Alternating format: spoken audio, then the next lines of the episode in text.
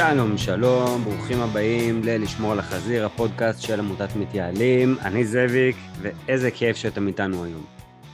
מכירים את זה שאתם יושבים בארוחה עם חברים והכל נחמד ויש אווירה טובה ואתם מדברים על חתונמי או משחקי הדיונון או משהו טרנדי אחר ואז מישהו מתחיל לדבר על שוק ההון?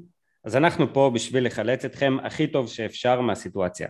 כי אנחנו מבינים שאתם רוצים לעשות משהו עם הכסף שלכם. אתם יודעים שזה הדבר הנכון, לחסוך ולהשקיע. אתם מבינים את זה טוב ואתם רואים איך אנשים סביבכם עושים את זה יותר ויותר ומספרים על ההשקעות שלהם בכל הזדמנות אפשרית.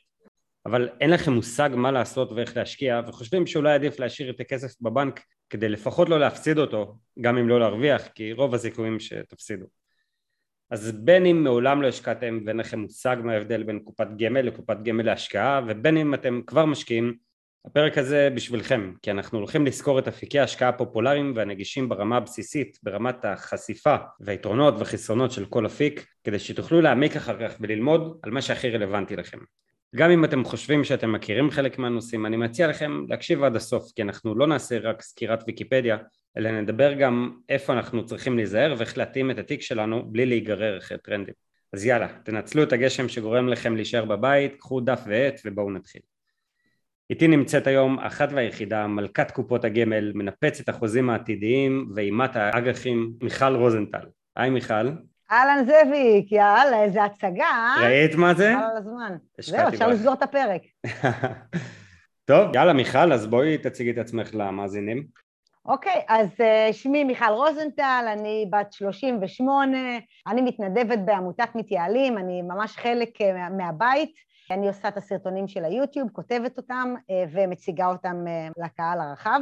חייבת להגיד שאני חיה את עולמות ההשקעה כבר אה, כמעט שלוש שנים, אבל בשנה, שנה וחצי האחרונות אני ממש, זה זורם לי בעורקים, בוורידים, אני כאילו, אני ממש חיה את זה, אם זה בלקרוא ספרים, ולשמוע פודקאסטים, אגב, בדיוק כמו אלה, בעצם לדבר עם אנשים, וללכת לכנסים, עכשיו זה אמנם וירטואלי, אבל בגדול לפני ואחרי זה היה זה, ללכת לוועידות, מה שנקרא להיות כל הזמן מעודכנת, וזה מה שאני עושה בתכל'ס, זה רוב החיים שלי היום, כן, ותעשו את זה. אולי לא ככה קיצוני, אבל, אה, אבל בהחלט אה, תעשו את זה, כי זה דרך להיחשף לכל המקומות שאתם כרגע לא יודעים עליהם, או לשפר את מה שאתם כבר יודעים. יאללה, מעולה. נו, אז מה את אומרת, איפה נתחיל? אני חושבת שקודם כל, בגלל שאנחנו קצת נדבר על שוק ההון, אנחנו כמובן שלא נדבר פה עכשיו על איזה מניות מומלצות וכאלה, אבל רק, רק בשביל הדיסקליימר, אנחנו נגיד ששום דבר שאנחנו אומרים פה הוא לא המלצה כלשהי, הכל זה חומר אה, לימודי פרופר, זאת אומרת, אני יכולה להגיד לכם מה אני עושה, זה לא בהכרח נכון או לא נכון, אז זה, זה קודם כל חשוב לשים את זה בתחילת הפרק. ושנייה לפני שנצלול פנימה, אני חושבת שאחד הדברים הנכונים לעשות זה להסביר לפני במה אנחנו משקיעים, למה בכלל חשוב להשקיע.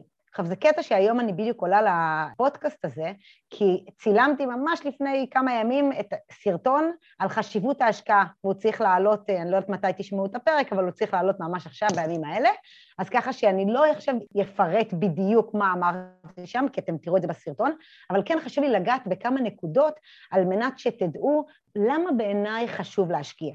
אוקיי? זה בסדר מבחינתך? נשמע לך הגיוני להתחיל נשמע כאן? נשמע לי מדהים. יותר טוב מזה לא נצליח. יאללה. אז קודם כל, בוא נתחיל במשהו חיובי. תוחלת החיים עולה בהתמדה כל הזמן. כלומר, אנחנו חיים יותר. עכשיו, על פניו זה משהו חיובי, וגם מתחת לפניו, כלומר, כלומר זה משהו ממש פגז, אבל אם מסתכלים רגע מבחינה פיננסית, מסתכלים נטו בכובע מבחינה כלכלית, אז מה שאנחנו רואים זה שאם תוחלת החיים בעבר הייתה 70 שנה לגבר ו-73 לאישה, היום המספרים הם שונים כמעט בעשור, זאת אומרת קיבלנו עוד עשור לחיות. גבר הממוצע היום זה 81 ואישה זה 84.3.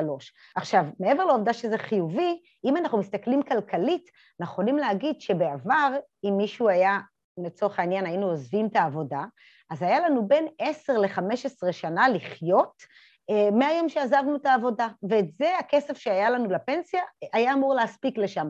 היום יש אנשים שחיים 20, גם 25 שנה אחרי הפנסיה ויותר גם, מה שאומר שאותו כסף צריך להספיק לאותו זמן, ומן הסתם זה לא קורה. אז זו, זו קודם כל העובדה שתוחלת החיים עולה, זו אופציה הראשונה למה חשוב להשקיע. מעבר לזה, אני לא אלאה אתכם בכל המידע, אבל הפנסיות שלנו מצטמקות. עד 1995 היה פנסיה X, והחל משם המדינה אמרה לנו, תקשיבו, הפנסיות שלנו עכשיו הולכות לעבור אה, תהליך אחר, וכל מה שקיבלתם עד אז, שזה היה יחסית מובטח בצורה כזו או אחרת, הולך להשתנות.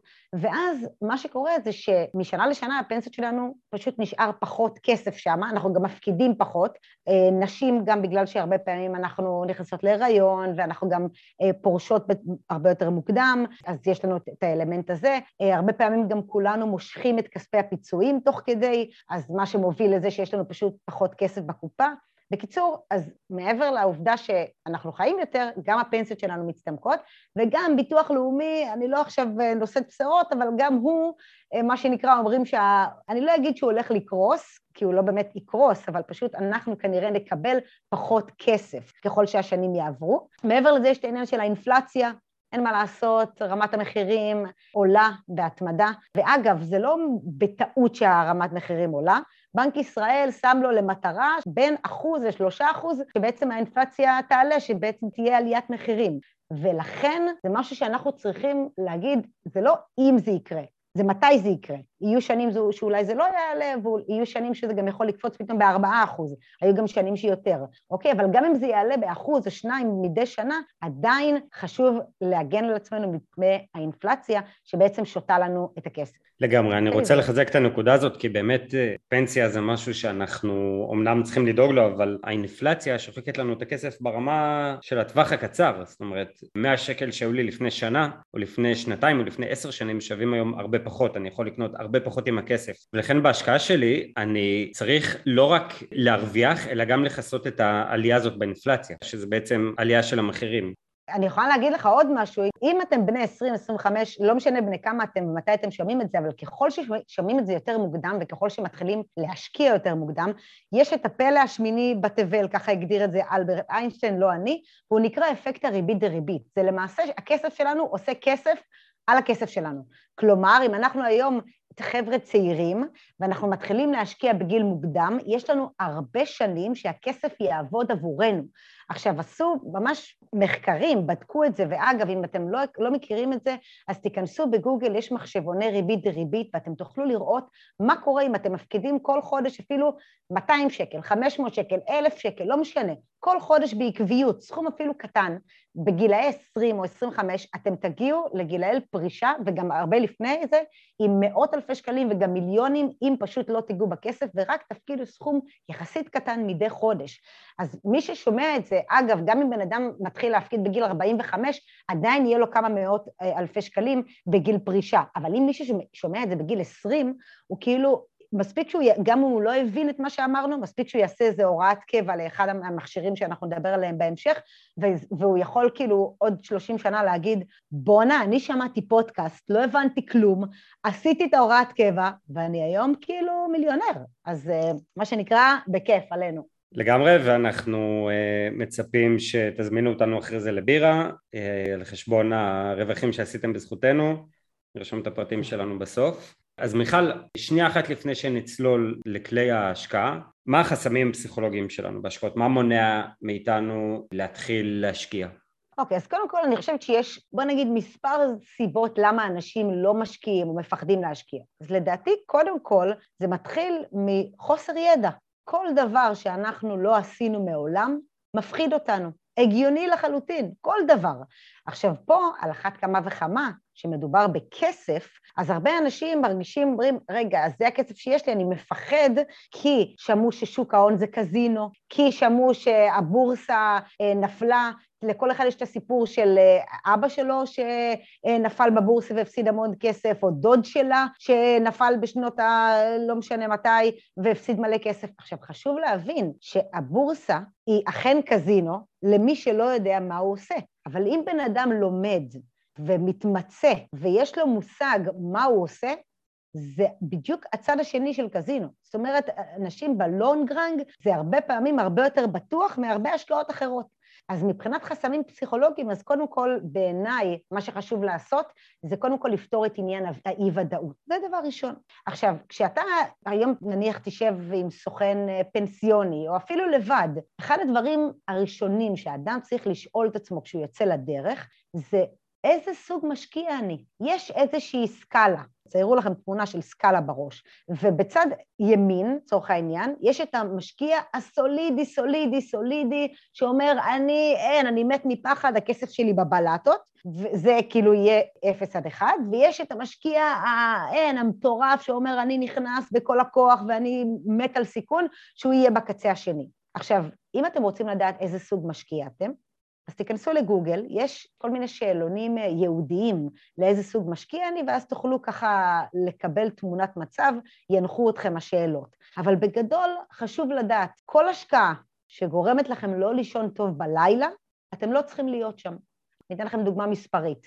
אם נניח לבן אדם יש, אני אעשה את זה עגול, כדי שזה יהיה קל להבנה, 100 אלף שקל. עכשיו, אני לוקחת אתכם עכשיו למרץ 2020. הקורונה כבר התחילה, מה שנקרא, להגיע פה לארץ, השווקים נפלו בארץ בעולם, ובן אדם שהיה לו 100 אלף שקל, יכל לי להתעורר יום למחרת, וראה נניח 96 אלף שקלים, והלך לישון ואז ראה 89 אלף שקלים.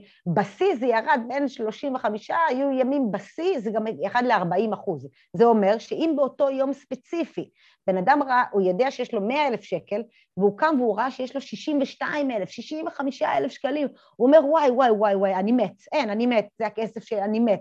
אז אם בן אדם מבין שהוא לא יכול לישון טוב בלילה, שהוא רואה את התיק שלו יורד ככה, אז חשוב לא להיות במסלולים שהם מאוד מאוד מאוד מסוכנים. זה בתור התחלה. עכשיו, אם אתם חבר'ה צעירים, אז אתם צריכים דווקא כן ללמוד ולהבין שבשוק ההון, אגב, לא רק חבר'ה צעירים, אבל, אבל ככל שאתה צעיר יותר, יש לך יותר זמן שהשוק יוכל לתקן את עצמו במקרה של מפולת. כי אם מסתכלים היסטורית, אז השוק כל הזמן יש נפילות, אבל בגדול הוא כל הזמן במגמת עלייה. ולכן אין שום היגיון שבחור צעיר בתחילת החיים, וגם אפילו חבר'ה בני 30, שזה עדיין נחשב מאוד צעיר, אין שום סיבה שבגלל שהם לא מבינים, או בגלל חוסר ודאות, הם יהיו במסלולים סולידיים, סולידיים, סולידיים, כי הם יגידו, אני מפחד לאבד את הכסף שלי. אוקיי, אז חשוב מאוד לדעת איזה סוג משקיע אתה, או את, ומה שנקרא ללמוד את החומר על מנת לקבל ביטחון. אפשר לפתוח אה, מעין אה, חשבון מסחר דמו ולסחור בלי לשים כסף אמיתי, וירטואלי, ואז אתם תוכלו לראות קצת אינדיקציה, איך אתם, מה אתם, ללמוד ולנסות ליישם בדמו, ורק אחרי שאתם באמת מוכנים, אז להיכנס פנימה, וגם אפשר לעשות את זה בהתחלה בסכומים קטנים וכולי. אני מאוד מסכים עם מה שאת אומרת ואני רוצה להוסיף שכל אחד מאיתנו גם יכול להיות לו כמה רמות סיכון שונות. זאת אומרת אם אני רוצה נגיד חלק מהכסף שאני רוצה להשקיע יהיה לטווח ארוך זאת אומרת אני חוסך לדירה שאני אצטרך רק בעוד עשר שנים או חלק מזה אני רוצה לחסוך לגיל פרישה ויכול להיות שיש סכום גם שאני ארצה לזמן קצר יותר, זאת אומרת אפשר לחלק את ההשקעה לכמה אפיקים לפי רמות הסיכון שאני רוצה כתלות במטרות שלי, זאת אומרת אני יכול להגדיר לעצמי כמה מטרות אז למה שלא נשים פשוט את הכסף שלנו בפיקדון בבנק? למה אנחנו צריכים להסתבך עם זה ולהתחיל ללמוד את הנושאים האלה?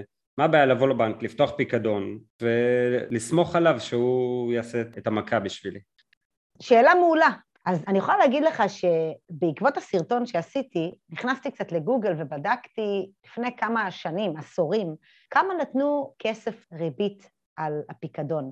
והגעתי למספר מטורף, מדומיין, שכאילו הסתכלתי ואמרתי, מה? אין מצב, כאילו, אני עושה רפרש כזה לגוגל, אמרתי, משהו לא הגיע. 17 אחוז. כלומר, בן אדם היה בא, שם את הכסף שלו בפיקדון, הוא היה מקבל מלא כסף, בלי לעשות כלום.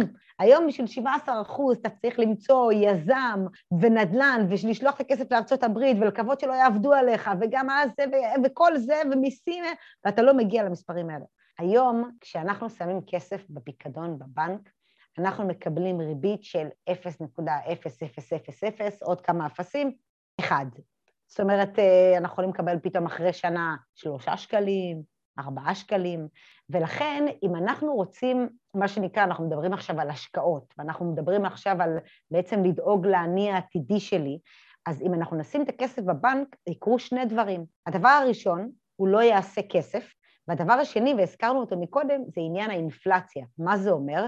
זה אומר שאם אני, יש לי היום, שמתי 100 אלף שקל בפיקדון, אז אני בעוד חמש שנים אפתח את הפיקדון. עדיין יהיה לי שם נניח בהנחה, עדיין יהיה לי שם 100 אלף שקל, אבל אותם 100 אלף שקל, מה שהם יקנו היום, זה לא מה שהם יקנו בעוד, הם יכולים להיות שווה ערך ל-80 אלף ברמה אה, הריאלית. נומינלי זה עדיין יהיה 100 אלף שקל, אבל ריאלי זה יהיה 80 אלף או 70 אלף או לא יודעת.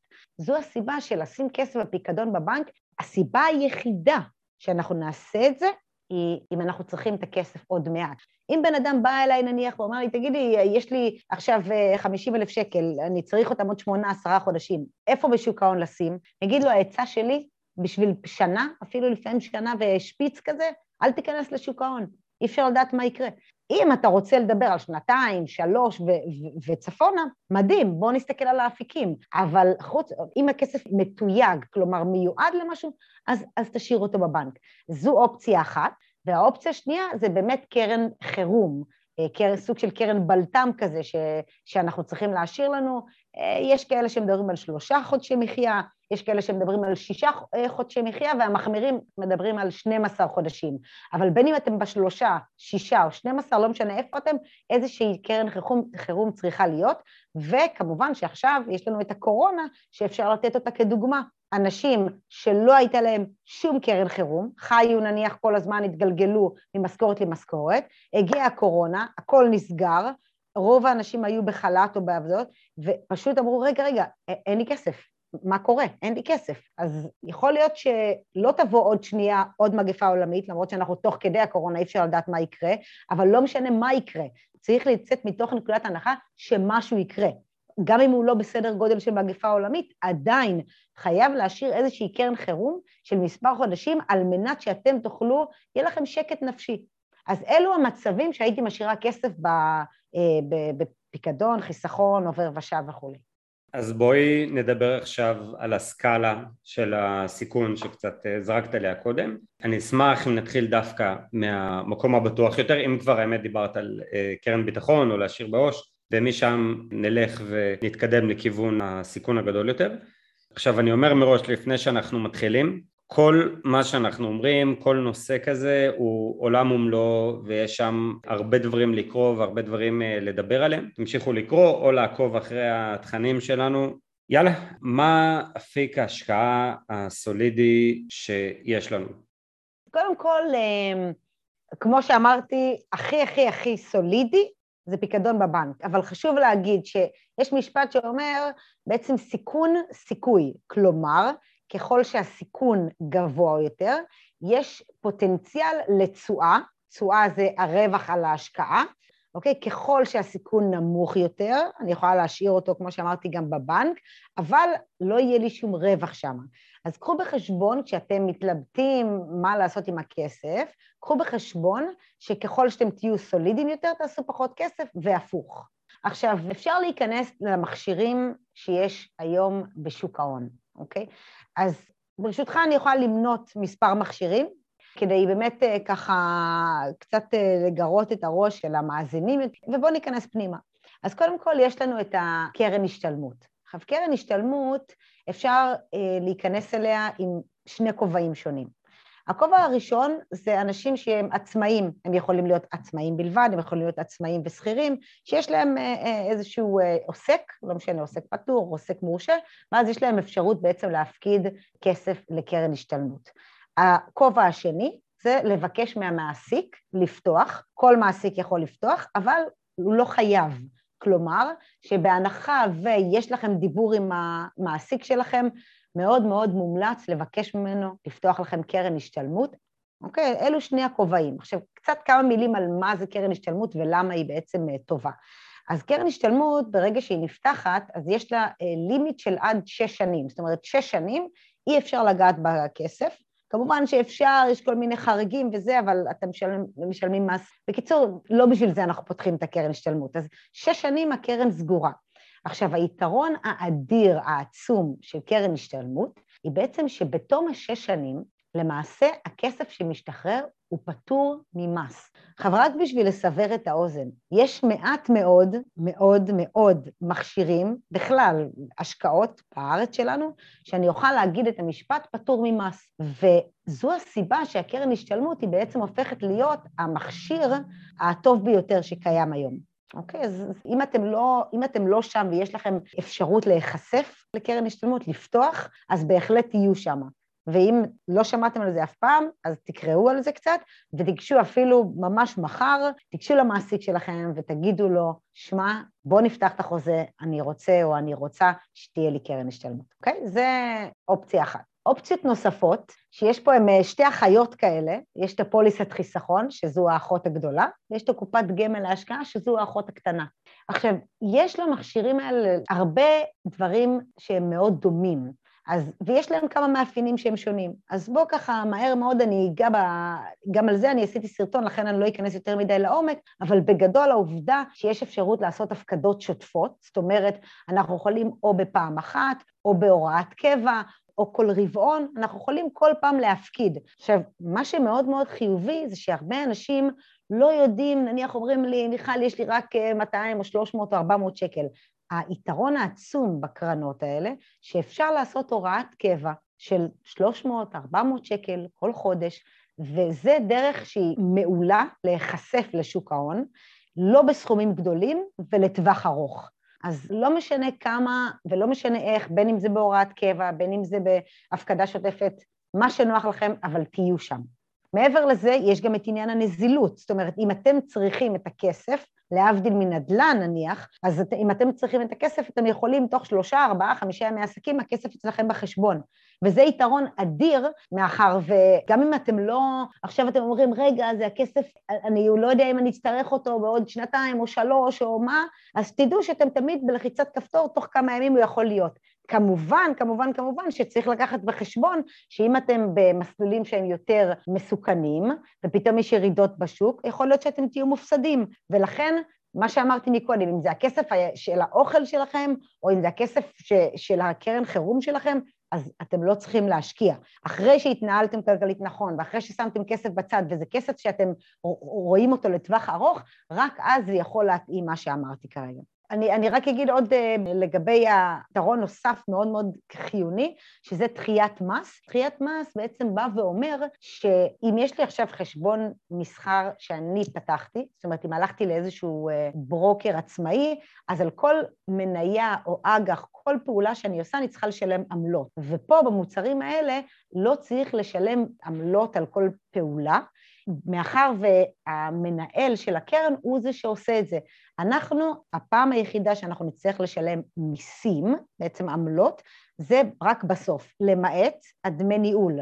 אבל אם אני מסתכלת רגע על הפעולות השוטפות, אז רק כשאנחנו נרצה לממש או לפדות את הקרן, רק אז אנחנו נשלם מס. זה אומר שאם פתאום עשר שנים או חמש עשרה שנה הכסף שלי יושב שמה, אז הקטע של דחיית מס בעצם אמור להגביר את כל האפקט של הריבית דריבית. ורק אה, בשביל לסבר את האוזן, בגמל ההשקעה יש תקרה של עד 70,913, פוליסת חיסכון אין תקרה, יש מעל 8 אה, מיליון, והיתרון הגדול מאוד של קופת גמל להשקעה היא שהוא מוצר חצי פנסיוני, זאת אומרת שהוא פטור ממס רווחי הון בהנחה והוא יימשך כקצבה מעל גיל 60. הכלים שעכשיו אמרת הם כלים שגם בהם צריך לבחור את רמות הסיכון שלנו. זאת אומרת זה שיש לי קרן השתלמות או שיש לי פוליסת ביטחון או קופת גמל להשקעה עדיין בתוכם אני צריך לבחור מה רמת הסיכון שלי, אגב גם בקרן פנסיה, אבל זה כבר uh, נושא אחר. וגם שם יש דברים שצריך לקחת בחשבון. לדוגמה, אחד הדברים שנוהגים להגיד, ואני לא אומר את זה כהמלצה, כמובן uh, צריך uh, לקרוא ולהבין אם זה מה שנכון לכם, אבל קרן השתלמות, דווקא בגלל כל היתרונות שעכשיו ציינת, פטור ממס והסכום הנמוך שאפשר להשקיע כל פעם, דווקא נוהגים להגיד ששם כדאי לעשות סיכון שהוא יותר גבוה, דווקא להשקיע במניות או באפיקים שהם יותר מסוכנים אבל גם יכולים לתת יותר רווח, גם כי הסכומים שאנחנו מפקידים הם יחסית נמוכים בדרך כלל לעומת אפיקים אחרים, אם אנחנו מוגבלים ל-18,000 בשנה זה נחשב סכום שהוא יחסית לא מאוד גבוה, וגם כי זה שווה לנו את פוטנציאל התשואה שיהיה לנו עם הפטור ממס. כן, זה נכון. בקרן השתלמות ובקופת גמל השקעה או בפוליסת החיסכון שיש לכם או שתפתחו, אתם יכולים לראות באתר שאתם יכולים לבחור מה המסלול שאתם רוצים וגם לחלק את זה לכמה מסלולים. אתם בעצם יכולים להגיד לחברה שמנהלת את זה, אנחנו רוצים ש-20% יהיה בסיכון גבוה, 80% בסיכון יותר נמוך, אג"ח, מדדי מניות, ככה לפי רמת הסיכון שאתם רוצים. זה לא מספיק רק לפתוח, אתם צריכים גם להגדיר מה אתם רוצים, ולפני זה אני חוזר למה שמיכל אמרה קודם, אתם צריכים להגדיר מה המטרות שלכם, לכמה זמן אתם רוצים את ההשקעה הזאת. בדרך כלל צריך להסתכל על טווח ההשקעה ואיזה סוג משקיע אני, זאת אומרת, וגם מתי אני בעצם רוצה את הכסף. אוקיי, okay, אז הבנו שיש את כלי ההשקעה האלה, ואיך ניגש בן אדם שרוצה להשקיע בעצמו במניות או באג"ח או בכל דבר שהוא. הדרך הראשונה היא דרך הבנק, צריך ידע מינימלי, סכומים יחסית קטנים, הבנק שולח לנו יועץ מטעמו. אה, הבעיה והחיסרון זה שהעמלות מאוד מאוד גבוהות, יש עמלת קנייה ועמלת מכירה ויש עמלת שמירה. אגב, עמלת שמירה זה שפעם, לפני עשורים אחורה, היה אשכרה שומרים, היו שומרים את הניירות ערך בכספות בבנק. אז היה עמלת שמירה. כמובן שהיום הכל דיגיטלי ואף אחד לא שומר שום דבר בשום כספת, אבל הבנק הוא הבנק והוא עדיין גובה את העמלות האלה, ויש עוד כל מיני עמלות כאלה ואחרות, כל מיני המרות שונות. אז אם האופציה היחידה היא או דרך הבנק או לא להשקיע, אז ברור שדרך הבנק, אבל זו אופציה שהיא לא טובה. זו דרך הראשונה. הדרך השנייה היא באמת דרך בתי השקעות, גם מה שדיברתי מקודם, שזה על הקרן השתלמות, וכמובן הקופת גמל להשקעה, והפוליסת חיסכון, ויש עוד שלושה דברים שלא נגענו בהם, אחד זה תיק מנוהל, שפעם זה היה מעל חצי מיליון, היום כבר ראיתי תיקים של 300 אלף, אבל זה בדרך כלל עם הון יותר גבוה, ויש את הקרנות סל וקרנות נאמנות, בגדול אלו קרנות שמשקיעות במדדים, מדד בעצם משקף את רמת המחירים הממוצעת של קבוצות מסוימות או ענפים מסוימים של ניירות ערך שנסחרים בבורסה, למשל כמו מדד של תל אביב 35, שזה 35 החברות הכי חזקות במשק, או S&P 500, שזה 500 החברות הכי גדולות וחזקות בארצות הברית, אז אלו מדדים. עכשיו ההבדל המהותי בין קרנות הסל לקרנות הנאמנות, זה שקרן סל היא פסיבית, זאת אומרת, מחקים את המדד as is, והקרן נאמנות היא אקטיבית, זאת אומרת, יש מנהל שהוא, התפקיד שלו הוא לנסות מה שנקרא להכות את השוק, אם שמעתם אי פעם את המונח הזה, זה בעצם הוא אומר, אני לא שם את כל הכסף על המדד, אני חושב שאני יכול להיות יותר טוב ממנו.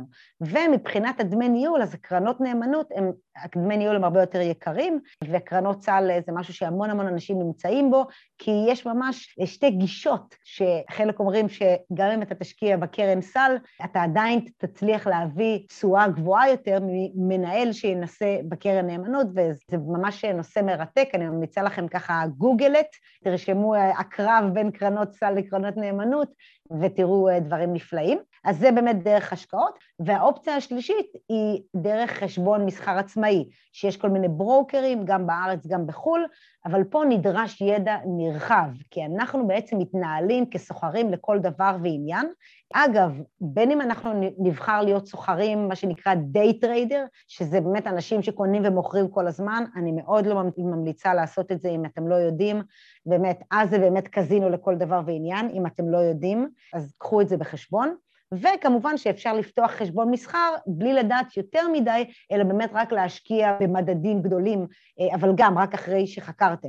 אבל שוב, הסיכון והסיכוי, הכל עלינו. זאת אומרת, יש לנו אפשרות לעשות הרבה כסף, כי אנחנו לא משלמים דמי ניהול גבוהים, זאת אומרת, העמלות כאן מאוד מאוד נמוכות, אבל אם אנחנו עושים פדיחה, מה שנקרא זה עלינו, והסיכוי להפסיד יותר כסף הוא, אנחנו פשוט יותר חשופים. אז אלו בעצם הדרכים, יש דרך הבנק, דרך בית, בתי השקעות ודרך אה, חשבון מסחר עצמאי.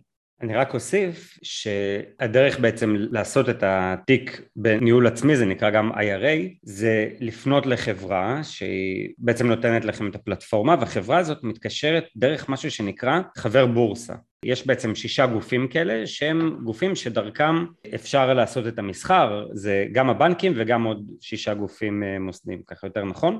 פשוט שתדעו שאתם מגיעים לחברה, בדרך כלל ישאלו אתכם איזה חבר בורסה אתם רוצים ואז תצטרכו לבחור.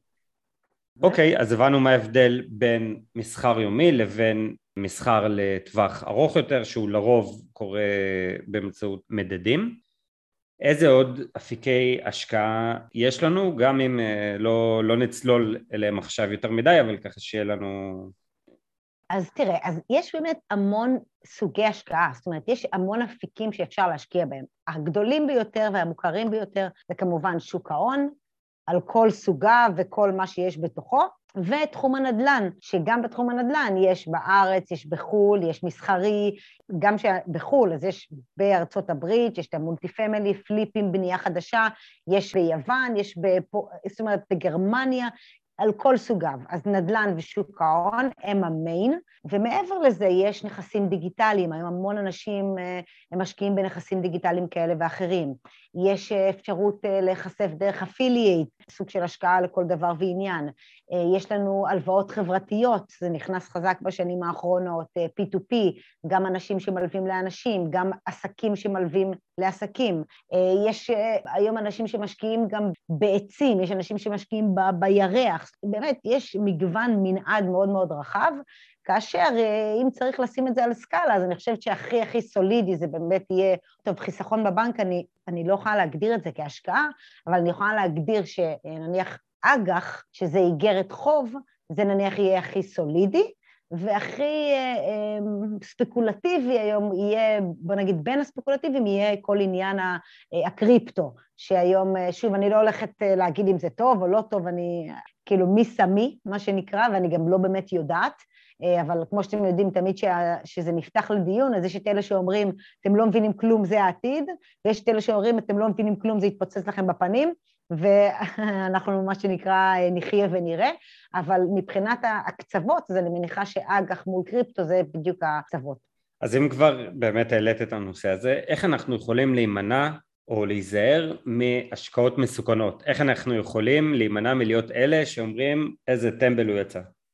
אז אני חושבת שהדרך הכי טובה להימנע היא קודם כל, בראש ובראשונה, ללמוד. פשוט ככה. כי ככל שאנחנו נדע יותר, אז אנחנו נעשה פחות טעויות. זה דבר ראשון. דבר שני, ידע, כמו שאנחנו יודעים, ידע הוא רק פוטנציאל לכוח. כי אם אני, עם הידע שלי, לא אנסה, הלכה למעשה, לא יעשה פעולות, אז הידע התיאורטי לא שווה כלום. ולכן, אז אם הידע זה הדבר הראשון, הוא לא יכול לבוא בלי פעולה. כי בתכלס, רק עשייה מובילה לתוצאות. ולא, ולא הלמידה שלנו. ולכן, מעבר למה שאנחנו צריכים ללמוד, אנחנו צריכים גם להתנסות, בין אם זה לפתוח אה, אה, חשבון דמו, ובין אם זה אפילו להתחיל לסחור בסכומים קטנים. כשאני אומרת לסחור, זה גם יכול להיות לשים את הכסף בקופת גמל להשקעה, או פוליסת חיסכון, ולראות אחרי אה, כמה חודשים מה קרה, רק לראות שלא, אם נפל, עלה, איך אתם ישנים טוב בלילה וכולי. אז הניסיון כאן הוא בעצם סופר סופר חשוב. אה, אני יכולה להגיד שדרך נוספת בעצם להימנע, או לפחות למזער, זה פיזור סיכונים. עכשיו, פיזור סיכונים זה אומר שאנחנו לא שמים את כל הביצים שלנו בסל אחד. כלומר, אם אני עכשיו אה, השקעתי נניח אה, בנדלן, אז אני לא אשים את כל, כל, כל מה שיש לי אך ורק בנדלן, כי אם חלילה משהו משתבש, אז בעצם זה כל מה שיש לי. אז תמיד עדיף להיות, לפחות ככה אני עושה, צריך להיות מפוזר ככל האפשר, לא יותר מדי, אבל כן להיות קצת עם חשיפה לשוק ההון, וכן להיות עם חשיפה לנדל"ן, וכן אה, גם במוצרים האלה, זאת אומרת, גם בשוק ההון, אז, אז אולי יש אה, מוצרים שהם יהיו קצת יותר חשופים לסיכון ואולי קצת פחות. למשל, הפוליסת חיסכון, אה, יש פוליסות שהן עם נכסים לא שכירים, ואז אין קורלציה לשוק ההון, ואז אם חס וחלילה שוק ההון פתאום חווה איזושהי נפילה מטורפת, אז יש איזושהי הגנה על התיק של נכסים לא שכירים, שזה בדרך כלל אה, נדל"ן, גם בארץ, גם בחו"ל, משרדים, נדל"ן מניב, שאמור לשמור על התיק. אז בהחלט פיזור סיכונים, בין אם זה פיזור בהשקעות, באפיקים, פיזור גיאוגרפי, פיזור של מטבעות וכולי. אני מוסיף שהפיזור הזה באמת חוץ מלמנוע מהתיק ליפול הוא גם עוזר לתיק לגדול כי כמו שאמרת קודם סטטיסטית והיסטורית השוק עולה וככל שאני חושף את עצמי ליותר ויותר אפיקים ויותר ויותר אה, לא יודע מה מקומות גיאוגרפיים או תחומים מסוימים אז יש לי יותר סיכוי אה, להרוויח כי אני יותר מתקרב לפיזור של השוק איך אנחנו מתחילים להשקיע בשוק? איך, מה, מה הצעד הראשון שאפשר לעשות שייתן לנו את הביטחון להתחיל? קודם כל, אני מאוד ממליצה, כמו שאמרתי כבר מספר פעמים, אה, לנסות קודם כל מה שנקרא על יבש. שנייה לפני שאנחנו עוברים לרטוב, מתנסים על יבש.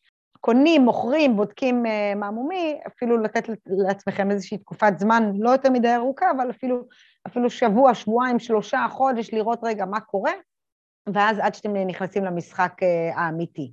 זה דבר ראשון. דבר שני, באמת להתחיל בסכומים קטנים. דבר שלישי, לעשות, uh, לפזר.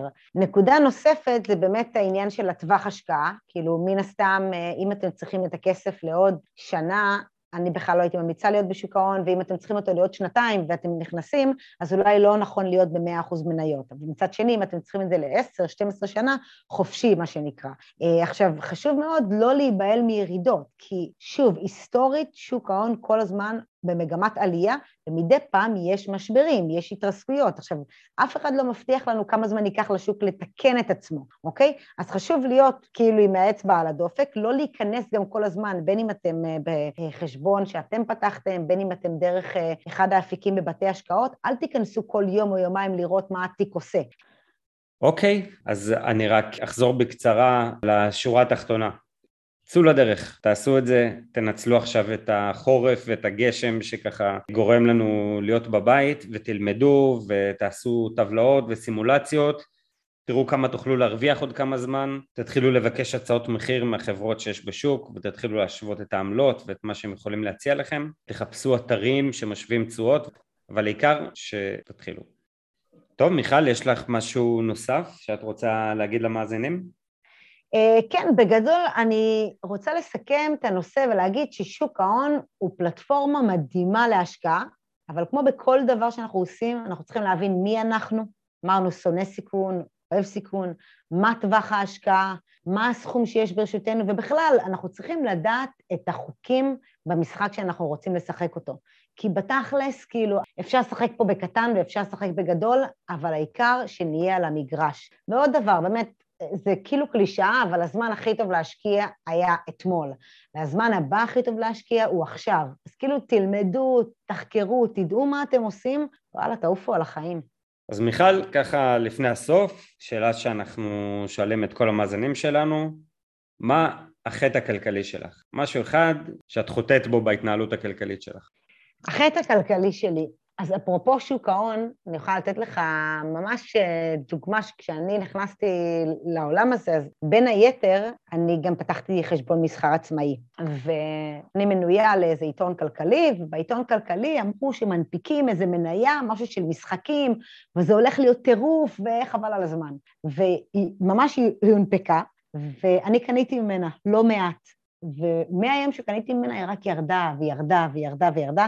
אגב, עד היום היא לא חזרה לעצמה, ואם אני יכולה לתת אה, איזשהו טיפ למאזינים, זה קודם כל, אגב, אני למדתי את זה ממש על בשרי, זה אם זה הגיע כבר לעיתונים הכלכליים, כנראה שזה כבר פחות אטרקטיבי. ואת זה אני לא ידעתי אז. אני חשבתי, אמרתי, יואו, איזה כיף, ראיתי את זה בזמן, ואז, אה, ולא. אז זה טיפ ראשון, ובאותה נשימה, זאת אומרת, על אותו מקרה, חשוב גם לדעת מתי לחתוך הפסדים. זאת אומרת, לא להתאהב באיזושהי מניה מסוימת. כלומר, נניח קניתי אותה, וראיתי שהיא יורדת ויורדת ויורדת ויורדת, אז פשוט באיזשהו שלב למכור אותה ולהגיד, אוקיי, גם צריך לדעת לחתוך הפסד בזמן, ולא להיכנס, מה שנקרא, עוד יותר לעומק, כי הרבה פעמים אה, פשוט זה לא יתקן.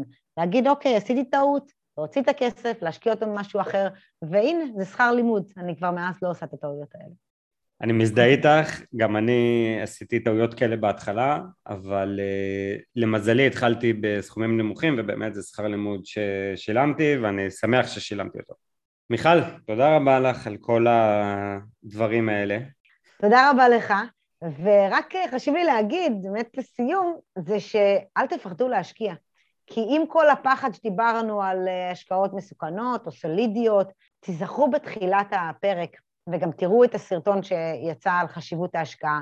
ברגע שתבינו למה כל כך חשוב להשקיע, אתם תבינו שהרבה הרבה הרבה יותר מסוכן לא להשקיע, או לשים את הכסף בבנק, או לשים אותו בבלטות, כי הוא נשחק, והיום המציאות השתנתה, וכשאנחנו נגיע, עזבו, עזבו אפילו גיל פנסיה, אנחנו רוצים לחיות טוב, ואנחנו רוצים גם אפילו לצאת לפנסיה מוקדמת. הרבה יותר מסוכן לא להשקיע.